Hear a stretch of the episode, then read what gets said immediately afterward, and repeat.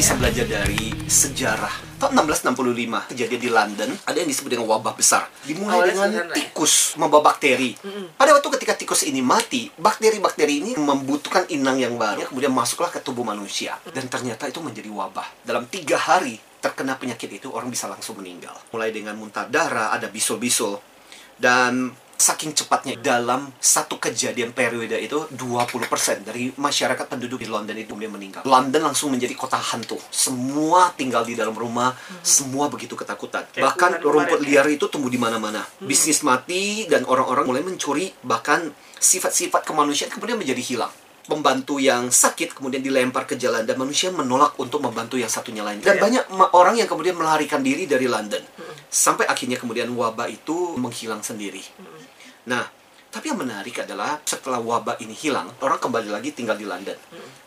Penduduk yang baru terbentuk dan terbentuklah satu masyarakat yang justru jauh lebih tangguh dan populasi berkembang jauh lebih baik dan posisi-posisi yang hilang diambil alih malah kok London setelah kejadian wabah itu justru Malah kemudian berkembang. berkembang menjadi luar biasa. Malah kejadian yang luar biasa adalah kejadian di Italia. Wah, itu lebih parah lagi kejadiannya. Tahun 1347 sampai 1350. Jadi tiga tahun. Jadi saudagar dari Genoa, mereka berdagang di Rusia, Mongol.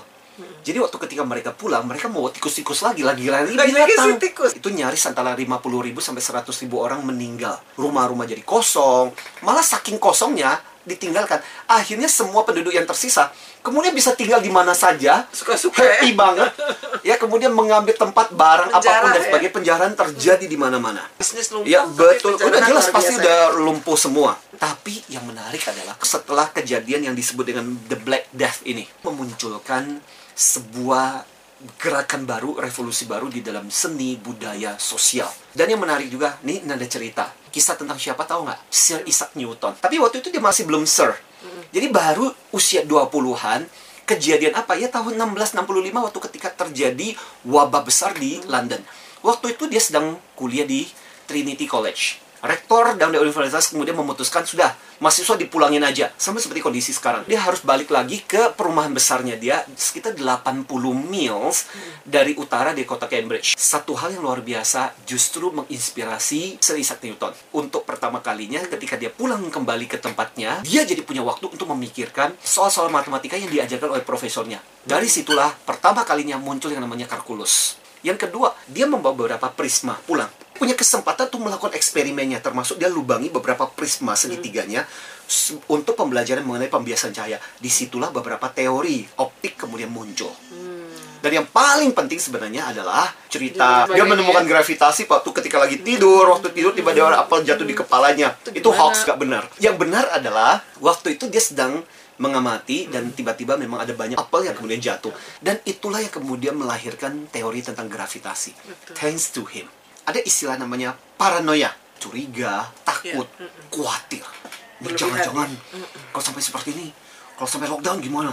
Apa yang harus dilakukan? Kurang makan gimana? Dan tapi ada kebalikan dari paranoia yaitu pronoia. Sikap ketika kita berpikir bahwa mungkin ada hal-hal positif yang bisa kita kerjakan bahwa sesuatu yang baik akan terjadi. Siapa tahu melalui wabah ini ada sebuah pembelajaran bagus buat kita paling nggak kita belajar tentang kesehatan. Dan negara-negara yang akhirnya sudah melewati kondisi kritis ini malah kemudian bahu membahu saling membantu.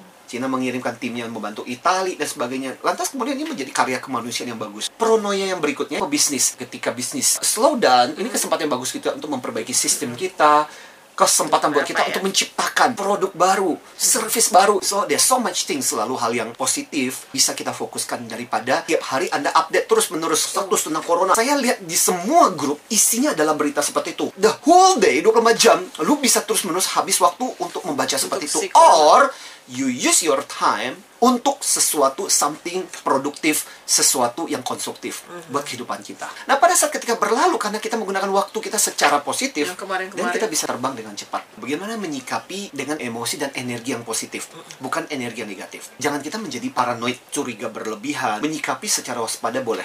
Tapi kalau sampai kita kemudian panik, langkah-langkah kita berikutnya kemudian menjadi tidak masuk akal, memborong barang pelanjaan, kasihan juga yang punya duit akhirnya kemudian mencelakakan yang nggak punya duit. Ketika kita berebut tidak akan pernah cukup, tapi ketika kita berbagi selalu akan cukup. Ya, intinya adalah please think about others. Bagaimana kita berdampak. Ini adalah masa yang paling bagus untuk berpikir tentang kemanusiaan, mencoba untuk berempati. Yang kedua adalah ketika masa-masa tenang, siapa sih yang gak terkena dampak? Jangan berkeluh kesah, jangan pikir seolah-olah cuma Anda sendiri doang yang terkena dampak seperti ini. Hampir semua bisnis terpengaruh oleh situasi dan kondisi seperti ini. But the difference adalah orang-orang yang cerdas emosinya berusaha untuk berpikir apa yang bisa dilakukan secara positif dalam situasi seperti ini. Apa yang pernah dikatakan oleh Stephen Covey. Ingat bahwa di dalam kehidupan kita ada dua lingkaran. Lingkaran yang pertama adalah lingkaran kekhawatiran. Yang kita cemasi, lingkaran yang berpengaruh pada kehidupan kita. Lingkaran yang kedua adalah lingkaran pengaruh. Lingkaran yang berisi hal-hal yang bisa kita pengaruhi atau kita kerjakan atau kita lakukan. Nah, yang menarik adalah kedua lingkaran ini lingkaran kekhawatiran itu di luar, lingkaran pengaruh itu di dalam. Ada hal-hal yang kamu khawatirkan yang mungkin kamu tidak bisa pengaruhi. Artinya gini loh, kamu nggak bisa lakukan apa pun. Kamu mengutuk pemerintah, kamu mau marah-marah dengan kebijakan, nggak bisa. Itu di luar pengaruh kamu kok. Nah, yang bisa kamu lakukan adalah apa yang berada di dalam pengaruh kamu yang bisa kamu kerjakan. Contoh yang paling sederhana, kamu menjaga dirimu. Misalnya contoh mengedukasi, ngasih tahu, sikap positif, mensupport. Jangan nah, hal-hal menakut-nakuti iya ya. betul.